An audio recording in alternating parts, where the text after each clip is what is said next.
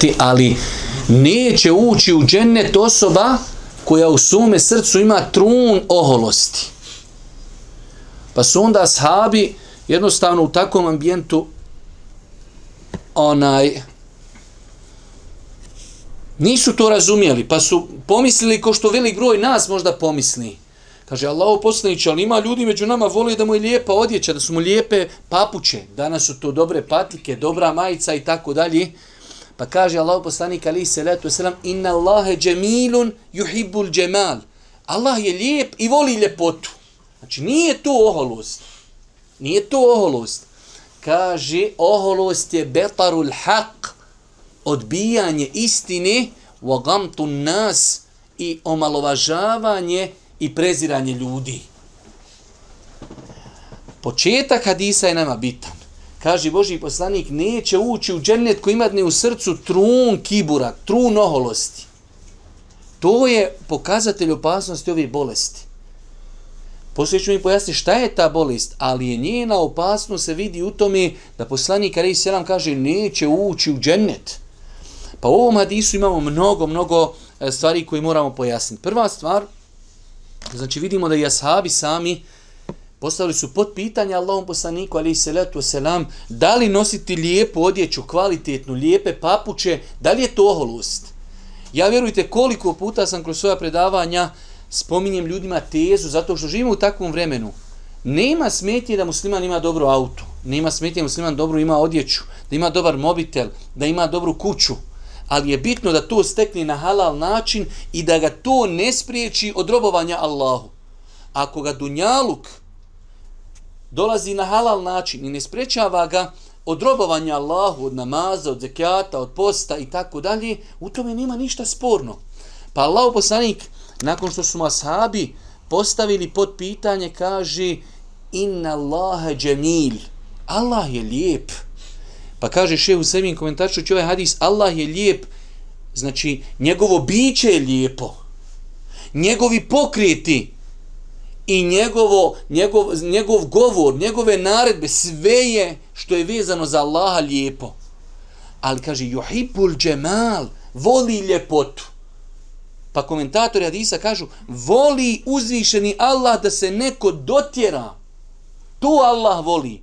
Pa ako Allah Đeršanu dadne nekom insanu i metak, dadne mu na faku, ne treba taj čovjek da iziđe pred naroda da ga ljudi sažaljevaju. Ako ti Allah podario da imaš blagodati, neka se tragovi ti blagodati vide na tebi, svakako bez pretjerivanja. Pa je to ispravno razumijevanje ovih riječi u hadisu. Onda Allah poslanik kada je pojasnio da lijepa odjeća, lijepa obuća nije sporna u islamu i da to ne ukazuje na oholost insana, onda je pojasnio šta je oholost. I kaže, betarul haq, odbijanje istine i omalovažavanje i preziranje ljudi.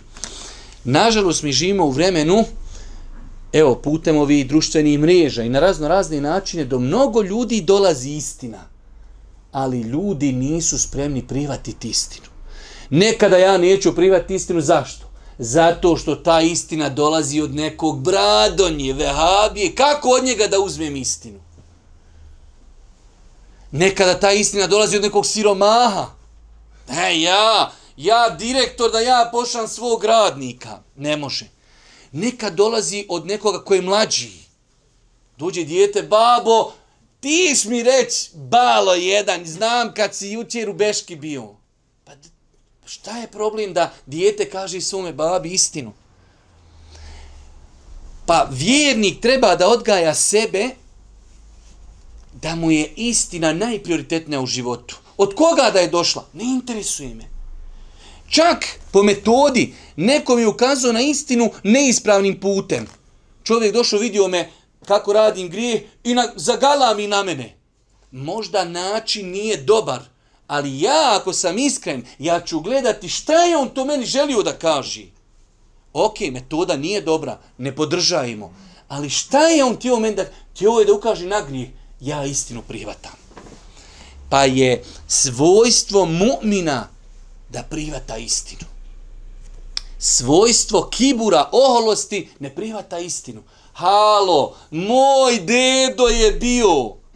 Vi novi muslimani od 92. Oni otrcani šeitan. Vjerujte, šeitan je to dosadlo i došaptavati ljudima. Ja naučio, evo sad vi kupili pamet cijelu, samo vi znate. Ma, nikad niko nije rekao samo ja znam. Otvori, brate, knjigu, čitaj pa i ti znaj. A, kakvi. Ja čitam život, gledat utakmice i kad mi onda neki daje, rekne propis, ja mislim da to nije u redu. Ma, če si Tesla da otkriješ novu struju četverofaznu? Ja mislim. Na osnovu čega misliš? Čitaš život, gledaš utakmice i ja mislim. To misliš, obišiš mačku, orepi nek nosa po vaš čarši ali ne može privati istinu. Pa čovjek vjernik treba da se boji ovog svojstva. Kibur, oholust, odbijanje istine. Mene interesuje istina, ja hoću džennet, ja hoću Allahovo zadovoljstvo. Bez obzira, sadekake, vohuake zub, poslaniku alihi selam dolazi Ebu Hureyre, hadis u Buhari, Tri noći, kaže, fatam čovjeka, krade. Pa čet, treću noć, kad sam mu rekao, vodim te poslaniku, završeno. Kaže, podučit ću te, nećemo, ali me pusti. Pa mi je rekao, kaže, kad kreniš spavati, prouči, ajetul kursi, ako to uradiš, Allah Đeršanu će poslati čuvara koji će te čuvati sve do sabaha i šetan se tu noć ne može približiti do sabaha. Kad to je Buhuriri ispričao poslaniku, šta mu je rekao? Sadekake, wahuake zub. Istinu je rekao, to je, kaže, bio šeitan, ali ti istinu rekao. I privata, mi privatiliš istinu od šeitana. Pa vjernik odgaja sebe, mene ne interesuje kom je rekao istinu. Neprijatelj došao i rekao riječ istini. Istina. Ja jedno, jednom u životu objavio jedan videoklip od jednog političara koji nešto pričao što je istina tu noć kad Facebook nije crku, kad nije prigovo, prigorio. Ši, znaš li ko je, znaš li šta je, ama ljudi, šta je čovjek ovo rekao? Jes, on to rekao, ali, ama ne interesuje me, ali, čovjek rekao istinu. Ne, ne, ne, ne, ne, ne može, nemoguće. Šta sam tu noć? Ljudi zovu! Halo, preko, pa to je preko granice, ljudi zovu, ja u roamingu. Žej, skidaj. Ama ljudi, istina. Ne, ne, ne, ne, nemoguće. Poslanik od obrija istina uzme od šetana. I mi bi uzeli od šetana, ali od muslimana ne možemo. Zato što se sa njim ne slaži. To kad ljudsko srce sam oboli i kad ne vidi koliko je u dalaletu i zabludi. Pa je znači, e, ova, ova, ova, onaj, e, bolist veoma, veoma, veoma opasna. Ovdje je zabilježio autor E, nekoliko lijepih stvari. E, mislio sam da se radi o nečemu što sam prije pročito. U svakom slučaju, imamo, znači ovdje vidimo dvije stvari koje su pojašnjene. Šta je, šta je oholost zbog koje čovjek neće ući u džennet, odbijanje istine i preziranje i omalažavanje ljudi. To je oholost. Ja bolji, ja znam, ti ne znaš, ja stari, ja uglednji, moje prijezime, moj dedo i tako dalje. Omalovažavanje ljudi je isto isto e, sastavni dio e, ovoga kiburga, kibura o kojem govorimo. ono što je interesantno, da ne bi, ne daj Bože, e, insan pogrešno shvatio ovaj hadis, e, kad kaže Allah poslani, neće čovjek ući u džennet. Može se desiti da čovjek bude klanja pet vakata, daje zekijat, posti, ide na hađ, ali ima u srcu malo kibura. Da li će ući u džennet? Hoće ući u džennet, jer mi muslimani vjerujemo da će čovjek vjernik bez obzira na svoje grijehe završiti u džennetu. Ali ovdje Allah poslanik želi da zastraši svoj umet. Želi da ju upozori koliko je opasna ta bolest za kaže, ko ima ne samo trun, neće u džennet. Neće u džennet kada budu ulazile prve grupe, kada budu ulazili prvaci, on s njima neće ući. Kako insan ovo moramo emaneta radi pojasniti, kako ne daj Bože neko ne bi otišao u tekfir, jer poslanik Ali se vam kaže, ko nas svara, nama ne pripada. Da li čovjek prevario čovjek čovjeka? Čovjek klanja, a ali omaklo mu se prevario. Ču mu reći, nisi musliman. Le i se minna, poslanik kaže, nije od nas. Kako se ti hadisi svataju? Nije od nas, od mene, poslanika, oni koji me slijedi, oni koji ne varaju, nama ne prijavljaju. Nije, nije, nije, ne, da, ne, ne, ne kažemo za njega, nije musliman. Pa je ispravno razumijevanje takvih hadisa kada poslanik kaže nama ne pripada, ne pripada nama koji ne varamo. I ovdje neće ući u džennet. Ne misli se neće nikad ući u džennet. Već neće ući u džennet sa prvim ljudima koji ulaze u džennet. Kaže, nakon toga nam autor e, objašnjava šta su tu razlozi koji dovodi do ove bolesti. Znači, veoma je bitno, mi smo rekli svaki put kad insan hoće da analizira određenu stvar, treba u analizi šta je to što uzrokuje tu bolest kako bi se ja mogao sačuvati toga. Kaže, želja da se nikome ne bude pokorno, ni pred kim skromno i ponizno. Zašto su ljudi e, oholi? Ne želim ja da ja budem prema nekom ponizan, da neko bude od mene stariji, neko pametniji, neko ugledniji, neko ljepši. Ja želim da budem u svemu tome glavni. Isto tako, druga stvar, maksimalno nastavljanje da se razlikuje i odlukuje na drugima. Imate ljudi, ne može on privati činjenicu, tu sam ja jedan među ostalima. Ne, ne, ja hoću uvijek da se meni prema meni posebno. Ja ulazim, ustaje se, meni poseban sela, meni posebno mjesto i tako dalje. Jednostavno, ne može on svati toliki njegov ego, njegova bolest, da je on koji ostali. Pa i to je jedan od razloga bolesti. Isto broj tri, želja da se sakriju mahane koje se e, posjeduju pri sebi ili u svojim dijelima.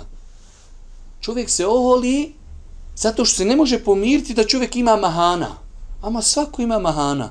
Zašto bježati od nečega? Poslanik Ali se vam kaže kullu beni ademe hatta. Svi sidovi Ademovi imaju grešaka. E insan znači se oli da bi na taj način prikrio da bi na taj način prikrio svoje mahane. Broj pet nepostojanje pravi, e, pravih mjerila vrijednosti. Kaže, jedan od razloga koji potiči na kibur jeste i nepostojanje pravih mjera vrijednosti kod ljudi. Pa vidiš ljude kako daju prednost bogatašu, makar on bio i teški griješnik. Odbacuju bogobojaznog vjernika samo zbog toga što je siromašan. Ne postiću, e, ne poču iz ugledne porodnice ili nije na položaju. Tako se kibur javlja. Kad ljudi izgube ispravane parametre vrednovanja ljudi. Bogat ugledan, pare, auto, položaj i ti njega samo uzdižiš. Ova jednik pošten, čedan, bogobojazan, klanja, ali sirotinja. Pa to ljude odgaja ka kiburu. Allaho poslanik, sinoć sam se dotakao tog hadisa i malo sam se duže zaustavio kod njega. Jedne prilike pored njega prolazi čovjek koji je baš tako, sirotinja, bjeda, ne zna niko, ne zna niko za njega. Pa kaže Allah poslanik ali sam šta kažete za ovog čovjeka? Kaže Allah poslanik bijeda. On kaže kad govori niko, niko ne sluša šta on priča, niko. On kaže kod je za nekog se zauzijet, nešto ono, niko kaže to ne sluša.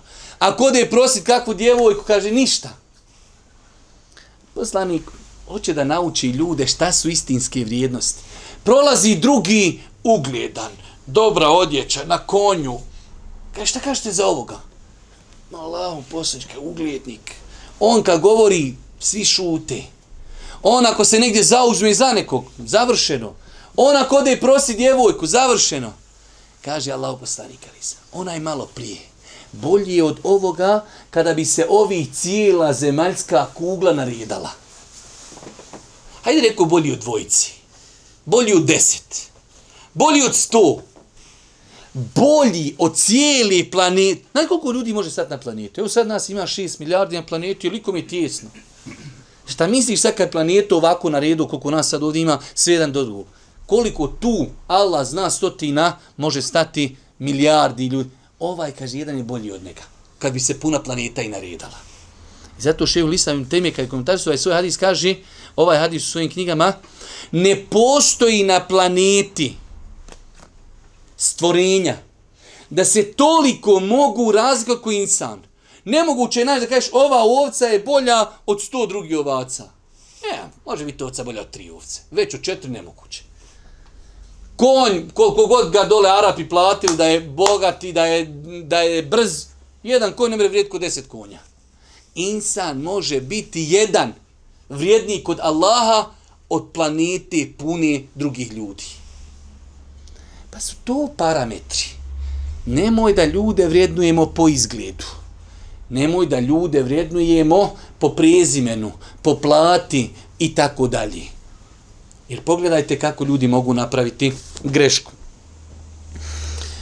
E, nakon toga, autor nam je pojasnio jednu interesantnu stvar, a to je e, gdje dolazi do izražaja e, kibur, oholost.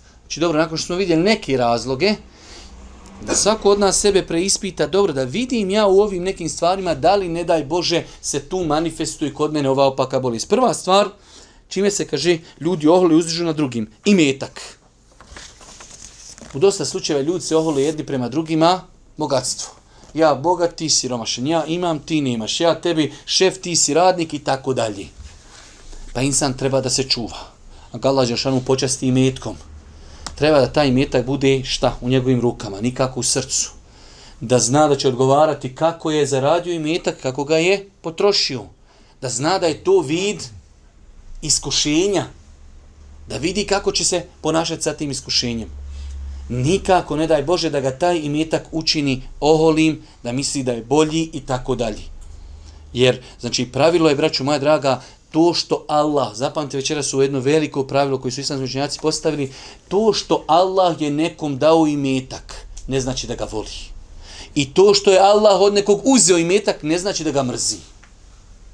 Ovo kad naučiš, naučio si srž vjeri. Čovjek dođe, ja u džami, ja klanjam, sve nešto ne ide do komšija, ni na Bajram ne dođi. Pun para. Kad dođeš na taj nivo, znači nisi razumio vjeru. Ako tako imaš percepciju, to je neispravno razumijevanje. Ako misliš, onda faraon bi trebao da bude i najbolji neki, naj, osoba koju Allah najviše voli. I Karun, i, i ostali bogataši historije. Ne, ne, ne. Zapamti večeras. To što je Allah nekom dao imetak ne znači da ga voli. Može značiti. Allah nekom dao i voli ga. Ali nije obavezno. S druge strane, to što je Allah nekom uskratio dunjaluk, ne znači da ga mrzi. Ovo moraš naučiti. I ovo kad naučiš, ne vezuješ se uopšte za dunje, ti živiš u jednoj drugoj dimenziji. Dolazak dunjaluka do tebe i odlazak ne ostavlja nikakvog traga, je li mene Allah voli ili ne voli. Ništa. Tvoja pokornost i tvoja nepokornost. Tvoj iman, tvoja iskrenost, tvoje srce, tvoja dijela. To je nešto što ukazuje voli li te Allah ili te ne voli, e, znači jedino to. Pa znači ljudi se nerijetko, nerijetko oholi kroz imetak. Druga stvar, kaže nam autor, ljudi se oholi kroz znanje.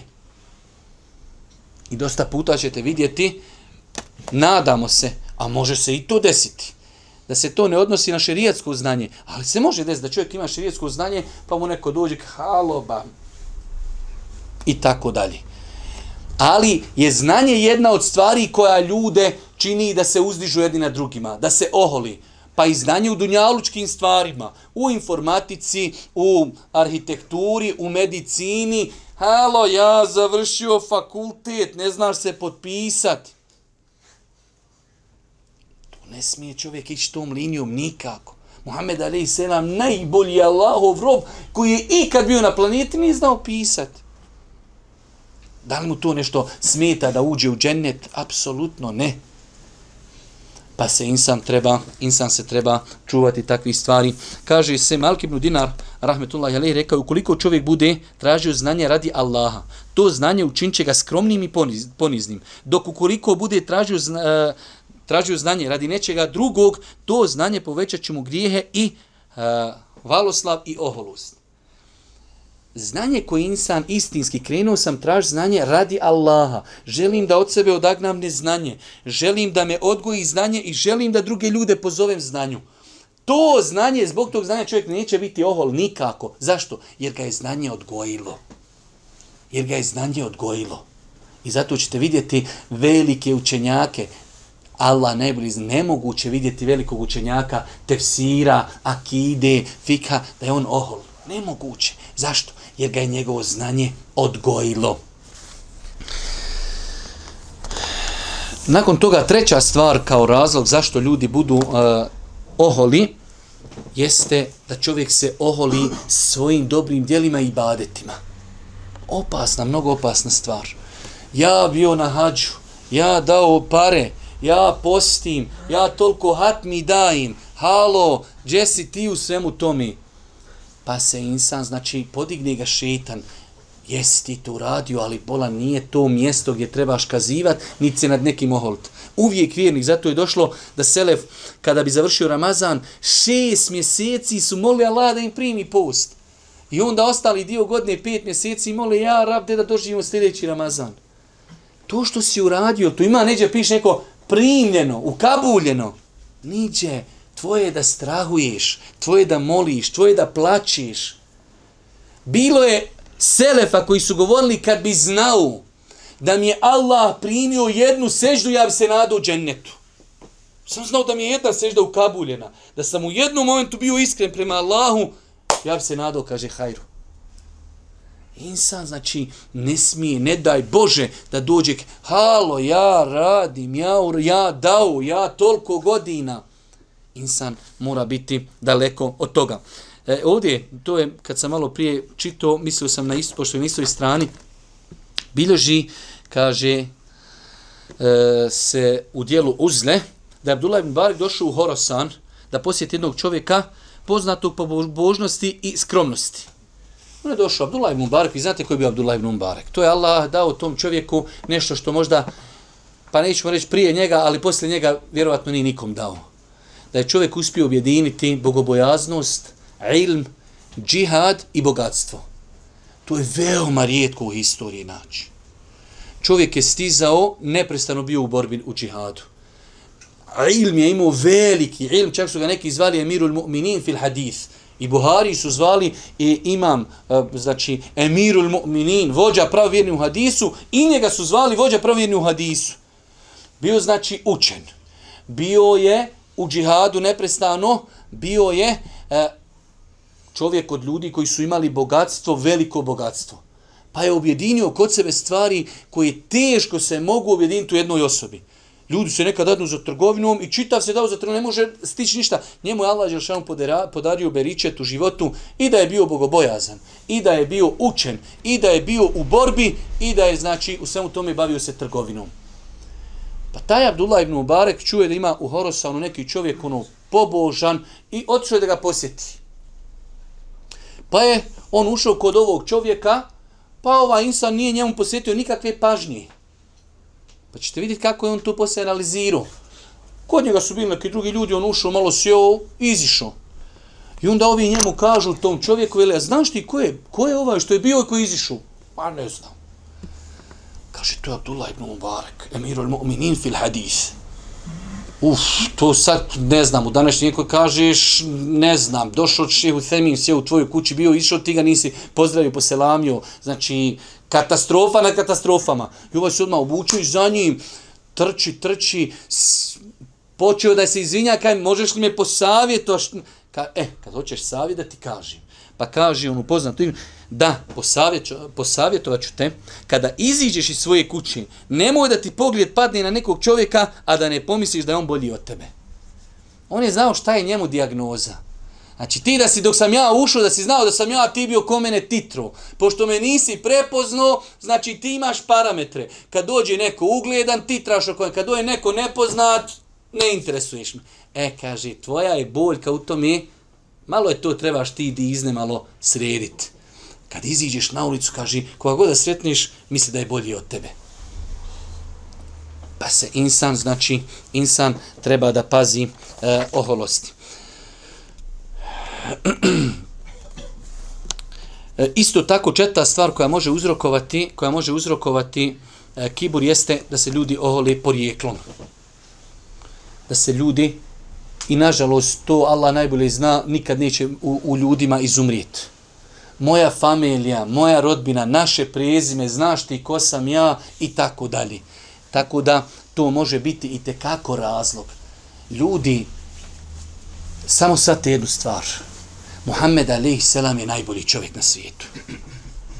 Imate ljudi koji su njega iz njegove rodbine vidjeli očima, sa njim živjeli, odrasli, njegovo prezime nose i odošli u džehennem zato što nisu vjerovali. Zato je došlo u vjerodostojnom hadisu, ako te tvoja dijela ne spasi na sudnjem danu, ne možete tvoje porijeklo pomakriti truna. U islamu, prezime, ja, moja loza, mi, da si iz poslanikove lozi, evo dokazano, DNK, ne klanjaš, ne postiš, ne vjeruješ, ništa ti to ne znači. Ništa to nije značilo rođacima Božijeg poslanika koji nisu primili islam. Amidža, pomagao Božijem poslaniku, volio ga. Reci, kaže, la ilaha illa, riječi zbog koji će se za tebe zauzimati na sudnjem danu. Pa je umro, kaže, na kufru, pa će biti u džehennemu. I dođe čovjek, da, moje prijezime. Šta prijezime? Kod Allaha prijezime ne znači ništa. Vjera, bogobojaznost, takvaluk i dobro prijezime, nuru na la nur. Ali dobro prezime, ne klanjam, ne postim, dedo mi bio na hađu, nosio fes, šarvale, čakšire. Dedo za sebe, halo. Misle će dedo te uzeti potpao i, i u džennet uvesti. Neće Allah mi. Možda bi on da mu se to dozvoli. Ali neće, ne može. Pa je, znači, e, kroz historiju se vas da ljudi puhali na to. Porijeklo. Elhamdulillah. Wallahi, to je jedan od najvećih pokazatelja savršenstva Islama. Islam može biti prezime, ne zna ga niko na planeti. Bogobojazan, čestit, moralan, da ga uzvišen Allah uzdigne da bude veliki alim, veliki kadija, veliki karija, veliki pobožnjak. Vi znate da imate u historiji da su znali ljudi s naših prostora, imate u biografiji jednog našeg alima, da je čovjek u jednom periodu bio u džamiji Božijeg poslanika imam i hati, porijeklom s našim, halo, zbog čega? Zbog znanja, zbog takvaluka, zbog imana, zbog Kur'ana. To je nema vrijednosti Arap nad ned Arapom. Inne ekramekum inda Allahi etkakum. Kod Allaha su najbolji oni koji ga se najviše boji. Boja koži, brate, kad te gurnu u furunu, crna koža, bijela koža, cvrće oba dvije isto. To ništa ne znači. Takvaluk, bogobojaznost, iman, to su glavni parametri. I to čini ovu vjeru univerzalnom. Dođe gore neki Amerikanac, u njega 160 godina unazad, sve u kufru. Mogu li ja napredat u islamu? Možeš, paša, bit na vrhu gore. Dođe židov, dođe ovaj, dođe sa sela, dođe bjeda, dođe prevarant. Mogu li ja? Može. Vr, na vrh. Samo koliko se ti još penjat.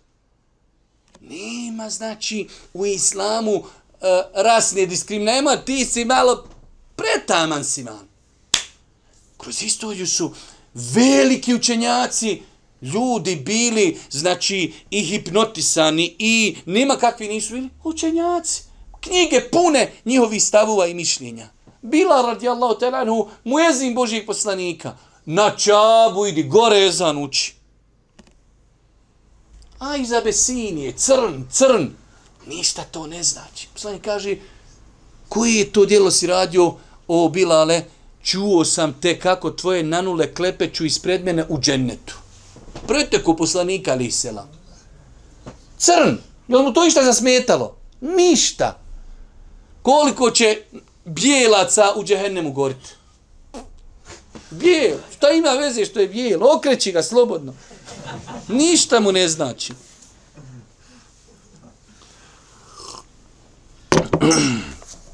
Zato je došlo da je Allah poslanik ovdje nam autor navodi taj taj eh, hadis da je jedan čovjek prolazio pored Ebu e, Zerra, pa je vidio Ebu Zerra kako nosi istu odjeću koji njegov rob. A to nije u to vrijeme bila običaj da sad čovjek ima roba i nosi istu odjeću. Pa je ga upitao šta je to, veli što ti nosiš? Ko? E, kaže, ja sam njega uvrijedio, uvrijedio sam ga, pa je poslanik Ali Selam čuo da sam ga uvrijedio na toj rasnoj osnovi, Pa mi je Allah poslanik rekao, ja eba zer inneke imruun fike džahilije. Ebu Zer, ti si čovjek koji još ima ti džahilijetski, džahilijetski onaj kod sebe osobina. Ovo nikako ne ukazuje, e, ne daj Bože, da čovjek vrijeđa Ebu Zerra. To je jedan od najudabranija sahaba Božijeg poslanika. Ali Božiji poslanik nije, znači, nikome se dodvoravu. Ebu Zerre, greška, popravljaj, mijenjaj. Kod nas danas dođeš čovjek, to smo spomnjali dosta puta, ne smiješ nikome ništa reći. Čovjek bio u čitav život, 40 godina izbacivač u diskoteci. I on bi sutra odmah da ga ti ovdje pored sebe postaviš i da on tumači vjeru. Ne mere, brate, sjedi na koljena i uči polako.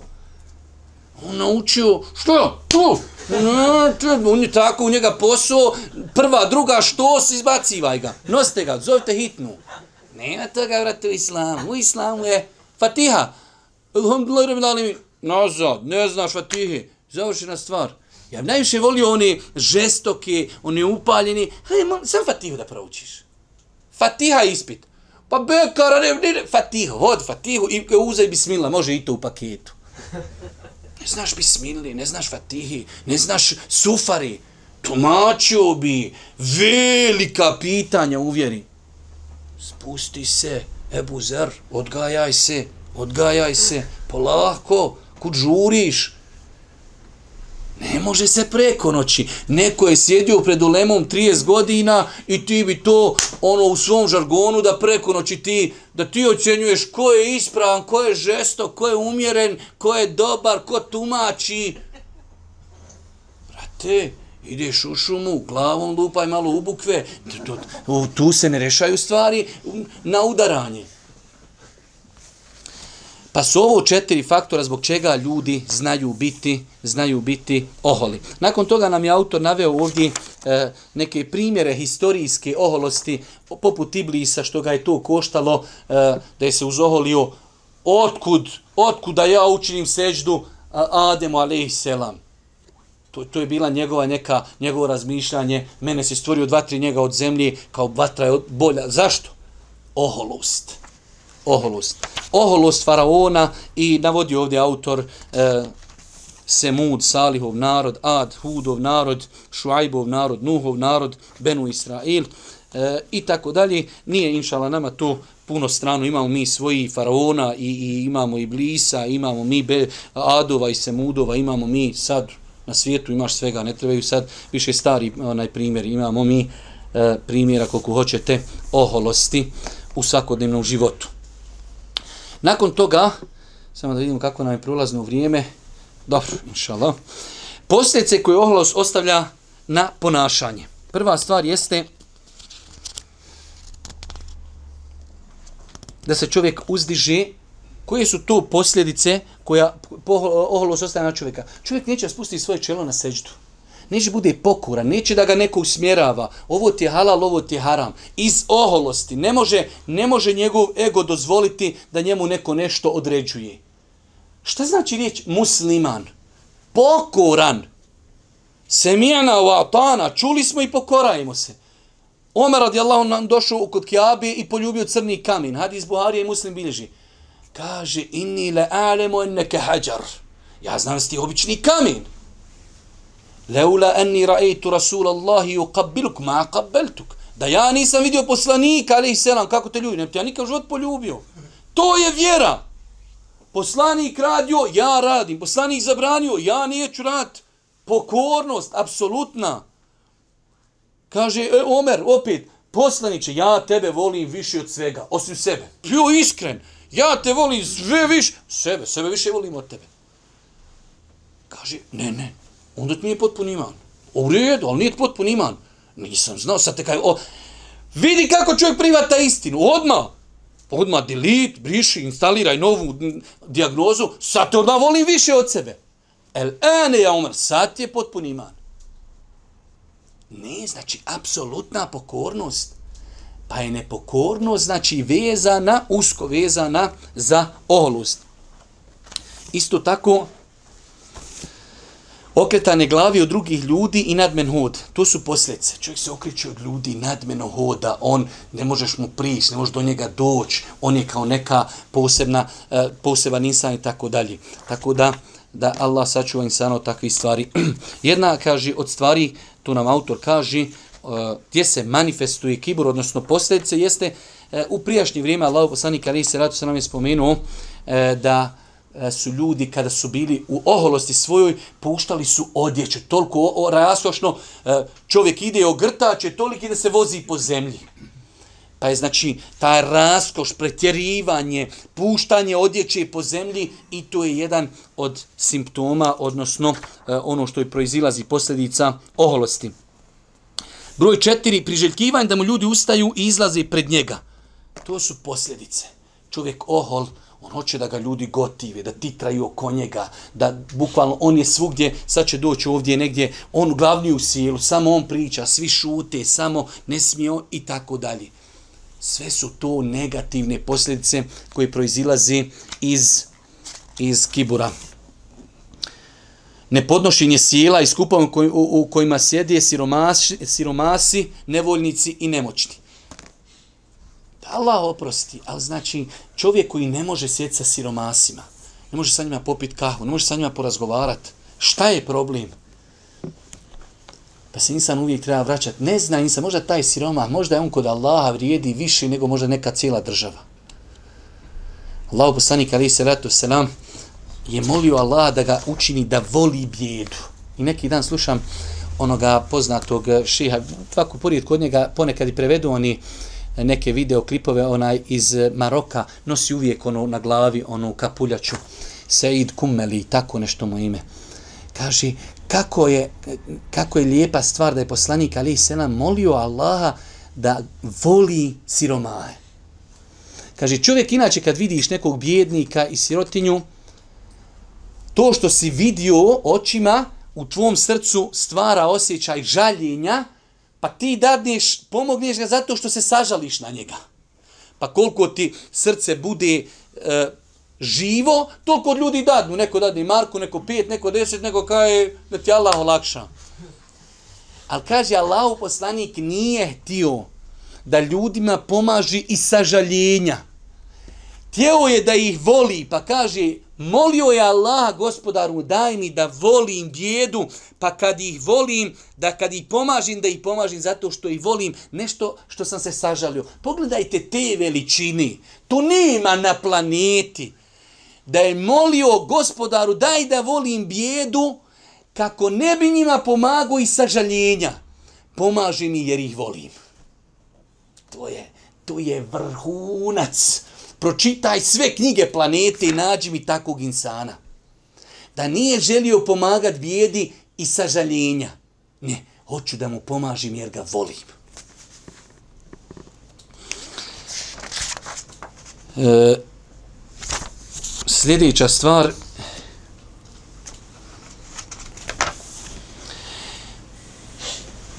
ne rješava se čovjek svojih mahana i svojih nedostataka. Čovjek kada je ohol, ne pada mu na pamet da se on popravlja. On je pun sebe. On je, on je bukvalno, imali smo mi taj neki žargon da kažemo, ono, nivo idu u meleci, pa je on tu negdje odmah ispod melika. Nema on šta popravljati. Dok pogledajte ovu izjavu, kaže Abdullah ibn Mes'ud radi Allah kazao je, u istinu vjernik, kada su pita njegovi grijesi, vidi svoje grije kao brdo, a sebe kao onoga koji sjedi ispod tog brda i svakog trenutka iščekuje da će se to brdo strovaliti na njega. To je vjernik. Uradi grijeh i strahuje zbog tog grijeha. Straga. Očekuje, to je veliko brdo, on dole sjedi da se na njega sruši. To je vjernik. Senzori radi, iman radi, uradio grijeh. To je bilo selef, kaj sjeća se grija pri 40 godina. Ej, brate, ja se ne sjećam šta sam učin ručao. Dođem, kaže, kući, primijetim, jedan grijeh uradio, već se žena i djeca prema meni... Jahalca se kaj drugačije ponaša prija jahalcu jednim ide fino, ja uradim grijeh jahalca, ja lijevo, ona desno. Ne sluša ni jahalca. Zato što on uradi jadnik jedan grijeh i on od svemu vidi i strahuje od tog grijeha. A kaže, a razvratnik, veliki griješnik, svoje grijehe vidi poput mušice, koja sleti na njegov nos, pa on mahne rukom ovako i otjeraj. Eh, ništa. Ukro, prevario, zakinut, Allahom se kunim čovjek nekad malo čuje, sazna, vidi, šta ljudi radi, koliko kradu, koliko petljaju, koliko uzurpiraju. Brate, Allah mi treba biti nenormalno hrabar, pa da se čovjek ne boji Boga.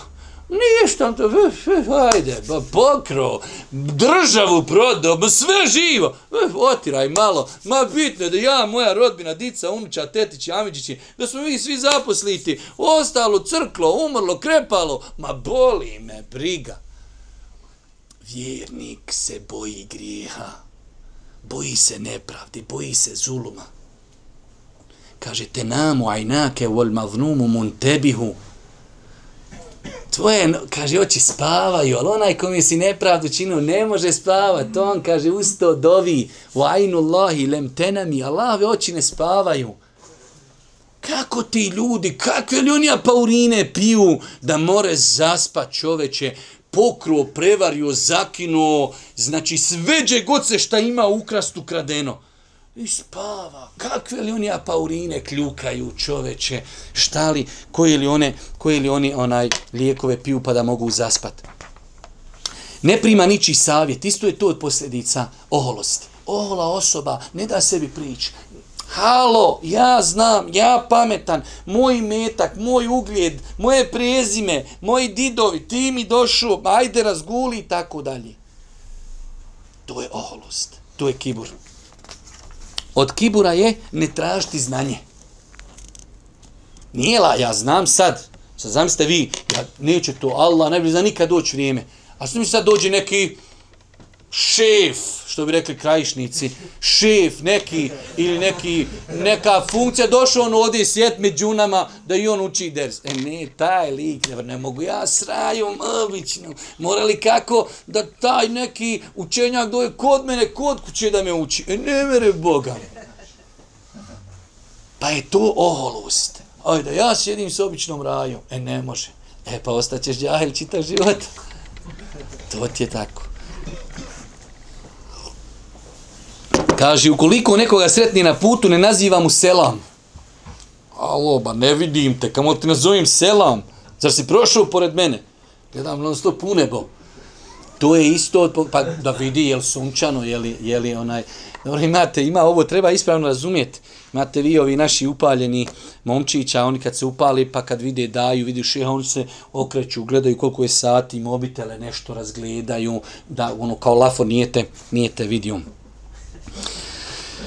Na kraju, odnosno nije kraj, nije kraj, baš nam je šeh odužio sa ovim ona, zbog bitnosti, ali evo nekoliko kazni kojima e, se prijeti čovjeku e, koji ima pri sebi e, kibur. Lijepo je da to čovjek zna. Kaže, kažnjava se sa suprotnošću onoga što je priželjkivao. U smislu, insan ko što je došlo u mnogim vjerodostojnim hadisima, ko se kaže, e, ko se ponizi pred ljudima, Allah će ga uzdići. A ko se bude uzdizao, Allah će ga poniziti. Pa insan koji ohol pravi kontraefekat, on to ne osjeti, ali svi ga preziru, svi ga, eto ide onaj, eto sad će on pamet, sve zna, ne možeš od njega pričati tako da ne voli niko oholu osobu. Nažalost, svi to kontaju osim ohola osoba. Pa postiže, znači, od kazni kontraefekat. Ne volite niko. Allah mi ne treba čovjeku e, na dunjalku veća, hajde da kažemo, počast da ljudi maštaju da te vidi. Evo ide hađija, kako si hađija, selam alikum. Allah mi to je čast. Eno ga idi, bježi, sklanjaj se i to je to. Ne treba insanu opet ništa gore od tog da ljudi bježi od insana. Ne okorištava se od Allahovih znakova i dokaza. Znači da insan e, oholost, njegova, njegova kazna je, pored njega prolaze dokazi, vidi ovaj se slupo, ovaj kažnjen, ovaj ovako, onaj onako, ali on niše ga ne uzima nikakvu, nikakvu pouku i poruku i ovdje, ovdje nam je autor to i argumentovao, ali nemamo vremena da to spominu. Oholnik koji je vjerovjesnik sallallahu alaihi sallam obećao kaznu na Dunjalku. Kaže sad Ibn Abi Waqqas radijallahu prenosi da Allahu poslanik ali sa nekom neće se prestati čovjek uzdizati sve dok ne bude upisan u oholnike pa ga zadesi ono što je i njih zadesilo. znači insan na dunjalku kad se oholi rekli smo to može samo e, samo uzrokovati da ga ljudi mrzi i, i e, da osjećaju prema njemu e, mržnju. Oholost je razlog prestanka blagodati i dolaska kazni kada je Allah poslanik jedne prilike jeo, pa je pored njega bio čovjek koji jeo lijevom rukom. Pa mu Allah poslanik, ali sam kaže, jedi desnom uh, rukom. Kaže, i ne mogu. Pa mu Allah poslanik kaže, nije ga, kaže, odbilo ništa osim kibur. Može on jesti lijevom i desnom, ne mogu. Kaže, a ne možeš? I ne mogu. E sad i ne mogu. Kaže, pa je više nikad u životu nije podigo svoju desnu ruku do usta. Iz kibura si nešto odbio, e evo, sad cijeli život je bit, kada sad šest jevom ljukom svaki dan. Inako, inako. Pa je kibur, oholost, znači e, kazna na dunjaluku, odbijanje istine. Čovjek kaže, nemoj jesti lijevom rukom, jedu desnom, šta je problem? Ne, ne mogu. E, ne možeš i ne mogu. Dovi protiv njega, Allahu poslanik, alihi salatu wasalam, Oholost je razlog zemljotrisa, propadanja tla i kažnjavanja u kaburu. Debu Huriri radi on se prenosi da Allah poslanik sallallahu sallam pripovjedao. Dok je jedan čovjek iz naroda koji su bili prije vas hodao u ogrtaču, divijeći se sebi, opuštene kosi, namazanom uljem, Allah je otvorio zemlju ispod njega i on će u njoj tumarati i jaukati sve do sudnjeg dana. Namazo se, našminko se i hoda. Allah dao propala zemlja, zatvorila se i do sudnjeg dana će se dole kotrljati. Svakako da je to jedan vid kazni. Ovdje nam je autor spomenuo nekoliko ahiretskih kazni. E, nećemo i ni spominjati. Ono što je interesantno, sinoć se sjećam e, ovog jednog hadisa, e, kad kaže Allahu poslanik alaihi salatu wasalam, da je bio čovjek koji kaže tako mi Allaha, Allah ovo mi neće oprostiti. Pa kaže uzvišeni Allah, ko je taj ko se zaklinje mojim imenom da mu neće oprostiti? Već sam mu oprostio, a tvoja sam, kaže, dijela poništio. Pa ovdje kažu učenjaci da je razlog ovog bio izgovora umišljenost i kibur. Ja bolji, ti loši, tebi Allah, ovo je opasno. Sinoć sam o tome i baš dugo malo govorio. Opasno je da se čovjek miješa u nešto što je Božije. Ovo ne znači da čovjek ne ukazuje na grijeh. Vidiš čovjek radi grijeh, kaže, brate, to je haram u islamu. Ali da dojiš, kaže, tebi Allah neće oprostiti. Ti ćeš u vatru. Ko što radi, nažalost, neka naša upaljena omladina, to je opasno. Došlo je vjerodostojnim hadisima da insan koji nekoga proglasi nevjernikom, ako ne bude, vraća se na njega. Ako nekog proklinje, pa to prokletstvo nije zaslužno, na njega se vraća. Kažu, prenosioci ovog hadisa, pa je ovaj čovjek zbog jedne riječi izgubio i dunjalki ahiret. Ponište nam u sva dijela zbog oholosti i kibura. Zato insan kada vidi nekog, možeš ukazati na haram, možeš ga posavjetovati, a ulaziti u Božiji, čak ovdje učenjaci kažu, ovo je dokaz da Allah Đelšanu može insanu primiti oprosti grijeh bez pokajanja. Radi čovjek grijehe. Kaže, ovo mi Allah neće, Allah mi oprostiti. Ko se to kaže, kuni u moje ime, njemu sam oprostio, a tebi sam poništio djela. Čovjek ne treba da se za... Alhamdulillah, hvala Allahu na uputi. Moli Allah uvijek da te učrsti. Kada vidiš insana, nek ti bude žao, ali nikako da se petljaš u nešto Božije. Ti ćeš u džehennem, ti ćeš, ti si čafir, ti ćeš vječno ostati. Nemojte, ne daj Bože, se igrate sa ti. Krupne stvari.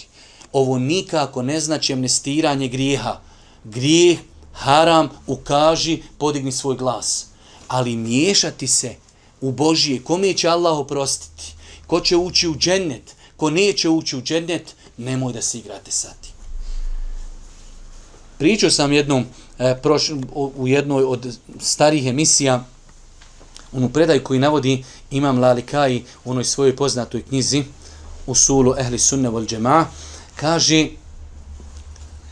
bila su dvojica Haridžija, pa došli oni sjeli pa eto šitanluku svom. Koji što imamo danas ovi naši neki na socijali gore po Njemačkoj po, po, po Austriji pa ne znaju odosada i šta će pa hajmo ljudi istiravati izvjeri uvjeru i tako dalje. Pa njih dvojica došla i kaže subhanallah subhanallah je li moguće da sam kaj nas dvojica budemo u džennetu? I to je Allah dao da ovom drugom prosvjetlje tada oči veli sam ja i ti u džennetu. Ma eto je tebi taj džennet. Pogledaj ti dalaleta, pogledaj zabludi Allah, pogledaj gluposti, pogledaj hrabrosti, pogledaj ahmakluka, pogledaj tokmakluka, ne znaš više šta bi rekao. Jaj, ti sami u džennetu. Jel ti bogat interesantno sam budeš u džennetu? A mora ja vidim, mora li ikako da svi budemo u džennetu. Mislim će biti tisno. Ba nek nam je fino u džennetu, je malo i tijesno, šta ima vezi? Jaj, kaže, ti, šta misliš kaj Allah, nijam ta ja i ti sami u džennetu. Toliki džennet, nebesa i zemlja, bolan, koja je to bolest.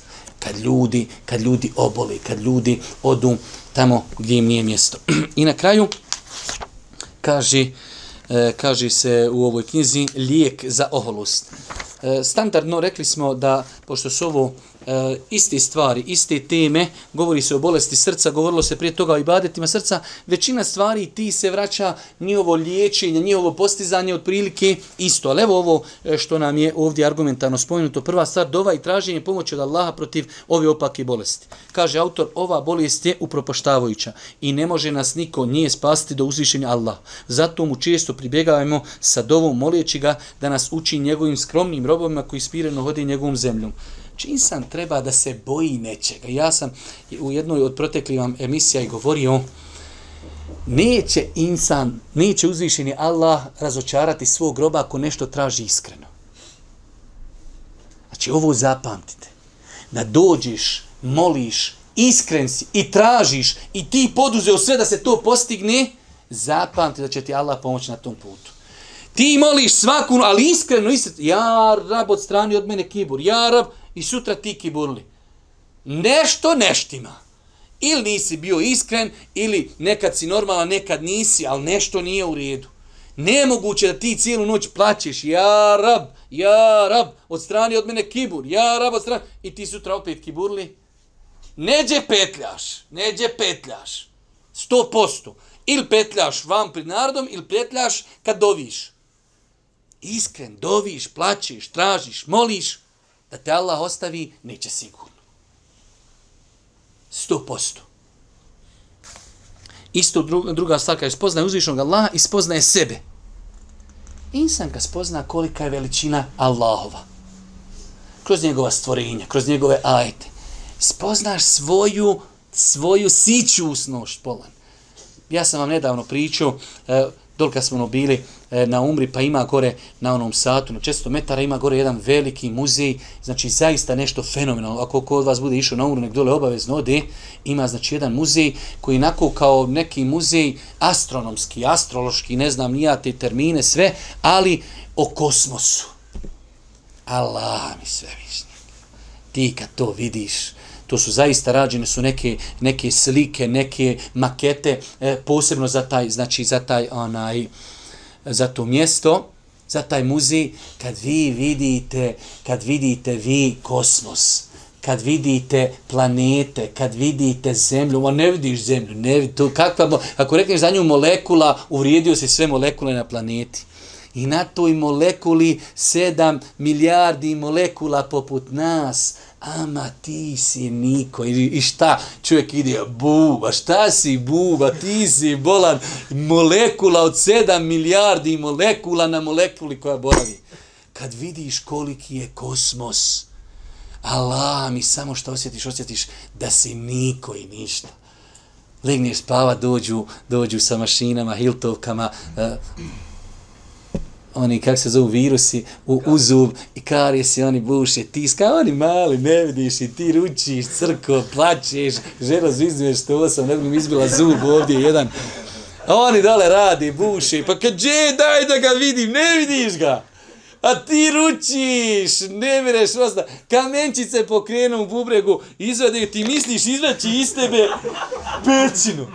Oni ga izvade na vrh, gore picetak, evo ga. Ma ga da ga pojdem? A heftu dana ručiš. Evo ga. A, krenuo je. Nemići se, šuti. Zaustavio se, kreti i kontaš. Valjaju u tebi volki kamen. Raširili se mokrašni kanali ko autoput. On ga izadike, evo ga gospodine. Znači, ga, da ga spojdim. Eto lišni si. Mala, ona mala, mala Virus, kaže, napoga virus, mjesec dana leži. Ma gdje je virus, majko, draga, ne vere ga tamo. Sva bolca se podla da nađu virusa, nema ga. Čovjek oči iskolačio, umire i pojede ga virus. Eta te klišnici.